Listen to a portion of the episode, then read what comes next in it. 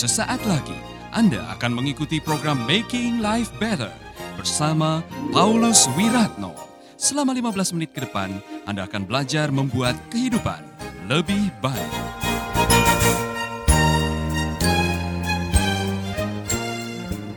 Hari ini, seperti saya janjikan saya mau mengajar kepada saudara-saudara, mengapa kita perlu visi. Mengapa hidup ini perlu visi. Nah, saya mau menjelaskan lebih dahulu apa itu visi dan apa itu misi. Karena dua-duanya beda dan banyak orang yang bingung. Apa itu visi? Nah, visi adalah to become, menjadi. Saya mau menjadi istri yang paling setia dalam hidup saya di kampung saya, misalkan. Jadi menjadi, saya mau menjadi hamba Tuhan yang bisa memenangkan banyak orang. Itu visi. Saya atau Yayasan Mercy adalah yayasan yang ingin menjadi yayasan yang punya uh, integritas dan bisa menolong yayasan-yayasan yang lain untuk bisa melayani dengan baik. Itu contoh, menjadi, to become. Visi adalah to do, visi adalah melakukan. Nah, untuk mencapai itu, untuk mencapai menjadi seperti apa, Anda harus melakukan sesuatu. Melakukannya itu yang disebut dengan misi, mission. Sedangkan untuk menjadi seperti apa itulah visi. Nah, saudara-saudara, hidup ini perlu visi. Apa itu visi? kemampuan untuk melihat ke depan hidupmu seperti apa, mau menjadi seperti apa. Ya kan? Abi bisa maju ke depan. Ini contoh aja, saudara. Jadi saya bisa melihat tanganmu, garis tanganmu. Nah, saudara-saudara kalau saudara bisa lihat garis tangannya Abi ini hurufnya M. Jadi saudara tahu artinya satu saat dia akan mati. Nah, tetapi sebelum mati dia akan M, menikah.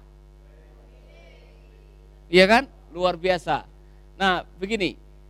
Saya mau tanya, sebelum kamu mau menikah ini kamu punya visi tidak dalam hidupmu bahwa kamu suatu saat akan menikah? Kamu uh, sudah ada bayangan nanti kamu mau menjadi suami yang seperti apa dan sebagainya dan sebagainya. Sudah, Pak. Sudah. Sudah. Sudah, sudah ada. Sejak kapan kamu bayangkan kamu akan menikah orang dari luar negeri? Ada enggak bayangan? Ada, sebelum ada. saya datang di Bali. Jadi sudah punya? Iya, sudah punya. Luar biasa, Saudara. Jadi I think Georgie, you know that he already dream having a, a wife from overseas before. Wah, wow. sudah ada bayangan mengenai Georgie nak yang dari Melbourne waktu itu? Belum ada sama sekali. So he didn't have uh, any idea about you having in his life at that time. Oke, okay, good. Nah, jadi kamu sudah pengen menjadi seorang suami dari istri yang dari luar negeri. Apa yang kamu lakukan dalam rangka untuk mencapai itu? What you do in order to get your vision? Belajar bahasa Inggris. Learn English. Jadi visinya punya istri dari luar negeri, maka misinya adalah belajar sesuatu, melakukan sesuatu untuk mencapai visi. Terus?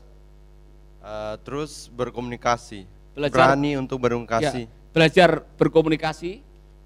Dan uh, tiap hari praktek tiap hari mempraktekkan bahasa Inggris, ya kan? Ya.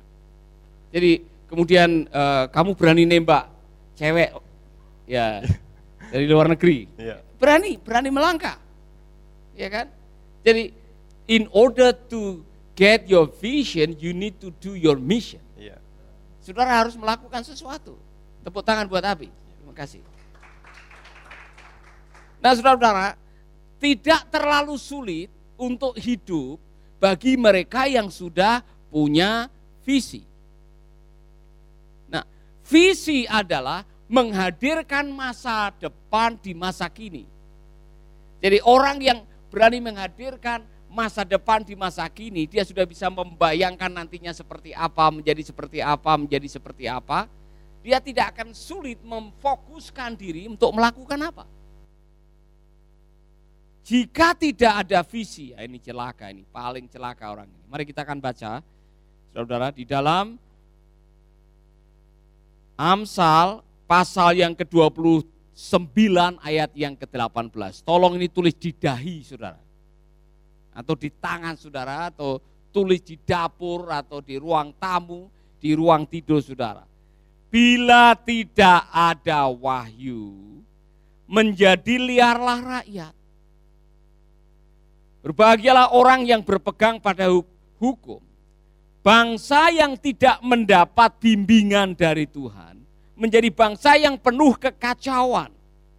Berbahagialah orang yang taat kepada hukum Tuhan. Tanpa visi, tanpa pewahyuan, liarlah rakyat. Tanpa visi dalam hidup saudara, pernikahanmu jadi liar, hidupmu jadi liar, apalagi masa depanmu tidak jelas, kantongmu tidak bisa diandalkan, dompetmu barangkali tidak bisa dipercaya. Hidup tidak ada visi. Kemarin saya ketemu dengan Pak John namanya, selesai kelas di lapas kerobokan, dia mendekati saya, Pak Palu, saya dulu pengen masuk sati sekolah kita. Tapi saya membatalkan itu gara-gara saya batal melayani Tuhan hidup saya jadi hancur lebur sekarang saya berakhir di kerobokan. Sebentar lagi saya mau keluar, saya mau melayani Tuhan. Saudara-saudara, dalam hidup ini kita harus punya visi. Amin. Nah, saya mau mengajak saudara-saudara memahami ini bahwa cara Tuhan melakukan rencananya selalu pakai orang. Makanya Tuhan memberikan rencananya lewat orang. Tuhan ingin melahirkan bangsa Israel. Tuhan cari siapa yang bisa jadi saluran. Maka Tuhan kasih visi kepada orang yang namanya Abraham. Ishak dan Yakub, Tuhan kasih visi, kamu akan jadi bangsa yang besar. Kamu akan jadi bangsa yang besar. Keturunanmu akan menjadi berkat bagi bangsa-bangsa. Saudara-saudara, Tuhan untuk menjalankan rencananya selalu pakai manusia. Makanya Tuhan meminjamkan visinya kepada Anda. Anda masih bersama Paulus Wiratno di Making Life Better. Jadi bagaimana caranya membedakan ini visi atau ini ambisi? Visi datang dari Tuhan, kemampuan yang dilakukannya suplainya dari Tuhan, ujung-ujungnya akhirnya adalah untuk kemuliaan nama Tuhan, itu visi. Tapi kalau itu, wah, saya punya visi menjadi orang paling terkenal di bumi ini. Saya setelah menjadi orang yang terkenal, saya ingin membangun patung saya sendiri. Saya mengharapkan nanti orang akan datang setiap kali lewat patung saya, sujud menyembah saya, kemudian saya akan taruh orang untuk tanda tangan. Siapa yang menyembah saya, kaosnya akan saya tanda tangan. Atau ada staf saya yang ada di situ. Nah, kalau itu tujuannya untuk memuliakan diri sendiri, itu bukan visi, itu namanya ambisi. Jelas ya? Visi datang dari Tuhan, oleh Tuhan, untuk Tuhan. Ambisi adalah dari aku, untuk aku, oleh aku. Nah orang yang punya visi, saudara-saudara, saya mau kasih tahu sebelum kita membahas jika tidak ada visi. Visi itu membahagiakan. Karena visi itu berarti Anda sedang dipakai oleh Tuhan untuk menjadi rekan sekerjanya. Saudara-saudara saya belajar sesuatu. Kalau visi itu dari Tuhan, oleh Tuhan, untuk Tuhan, kita hanyalah alatnya, kita hanyalah rekan sekerjanya. Jadi berbahagialah orang-orang yang mau dipakai oleh Tuhan. Ini contoh. Saya tidak menyangka kalau tadi malam tiba-tiba Pak Craig Muller itu tanya, Paulus ada donor yang tertarik pelayanan yang baru. Kamu punya pelayanan baru tidak? Saya bilang baru pulang dari penjara. Dan bukan kebetulan dua hari yang lalu ada lapas narkotika dari uh, Bangli juga minta supaya kita bikin sekolah yang sama di sana.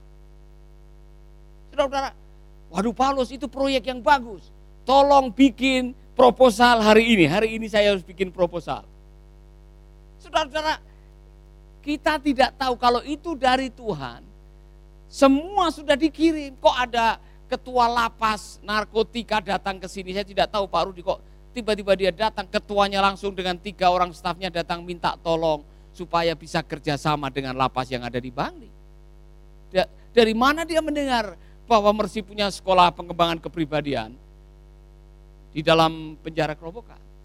Dan saudara-saudara bukan kebetulan saya teringat, oh di sini ada Bimas Kristen. Saya undang Bimas Kristen. Kemarin dia tergerak. Dia pengen-pengen ikut melakukan sesuatu untuk pelayanan penjara.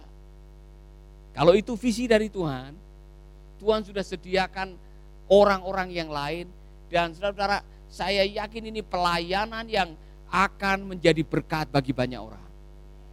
Amin. Haleluya. Kemarin sudah ada yang bilang, Pak saya mau keluar nih saya tidak tahu mau tinggal di mana. Saudara-saudara kita harus berdoa. Mungkin suatu saat Mercy punya rumah singgah namanya halfway house. Amin. Saya upload di uh, Facebook saya Pak Craig Maher yang adalah chaplain atau dia adalah uh, pendeta yang menangani penjara-penjara di Australia. Dia bilang, Paulus saya tidak sabar lagi mau datang. Dia pernah saya ajak ke kerobokan. Ketika visi itu dari Tuhan, Tuhan menyediakan apa yang namanya provision. Provisi. Kalau itu dari Tuhan, kalau visimu datang dari Tuhan, bukan karena ambisi, Tuhan punya cara untuk menyuplai apa yang Anda perlukan. Haleluya. Jadi beranilah bervisi bagi Tuhan, katakan kepada teman saudara. Nah, sekarang saudara tanyakan dengan sedikit nada agak keras. Sudah punya visi belum? Sudah punya visi belum, saudara-saudara? Nah, kalau itu visi dari Tuhan, tanda bahwa itu dari Tuhan, maka Anda pasti melibatkan Tuhan untuk mencapai itu. Ya kan, saya ulangi. Kalau saya tanya kepada uh, Edi, Edi, kau punya visi apa? Saya bikin toilet di rumah Bapak. Untuk bikin toilet Anda tidak perlu Tuhan, saudara bisa melakukannya sendiri.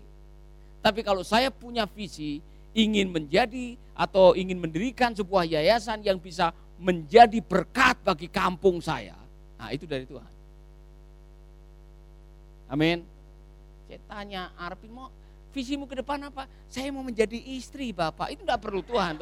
Kau memang sudah di panggil untuk menjadi istri. Amin. Ya, jadi oke, okay, saya mau menjelaskan ini penting sekali. Nah, ketika tidak ada visi, apa yang terjadi? Tiga hal ini. Ketika tidak ada visi, when there is no vision, there is indecision. Ketika tidak ada visi, Anda akan sulit membuat keputusan. Termasuk keputusan dalam hidup ya kan? Karena tidak ada visi. Visi mau apa? Saya tahu lah.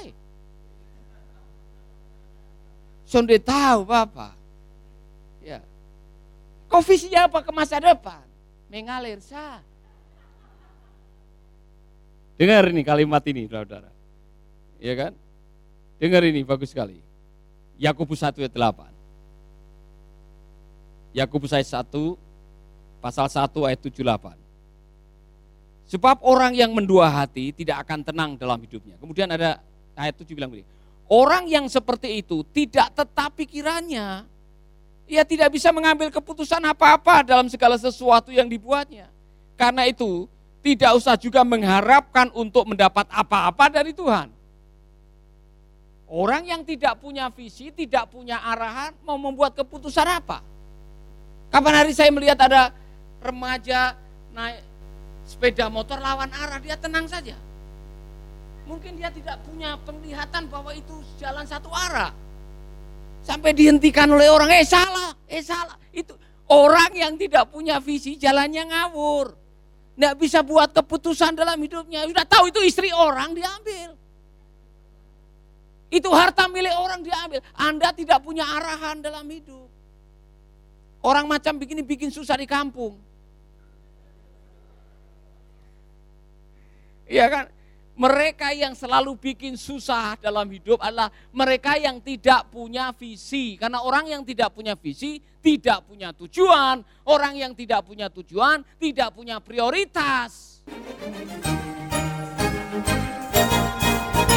Sahabat, Anda baru saja mendengarkan Making Life Better bersama Paulus Wiratno.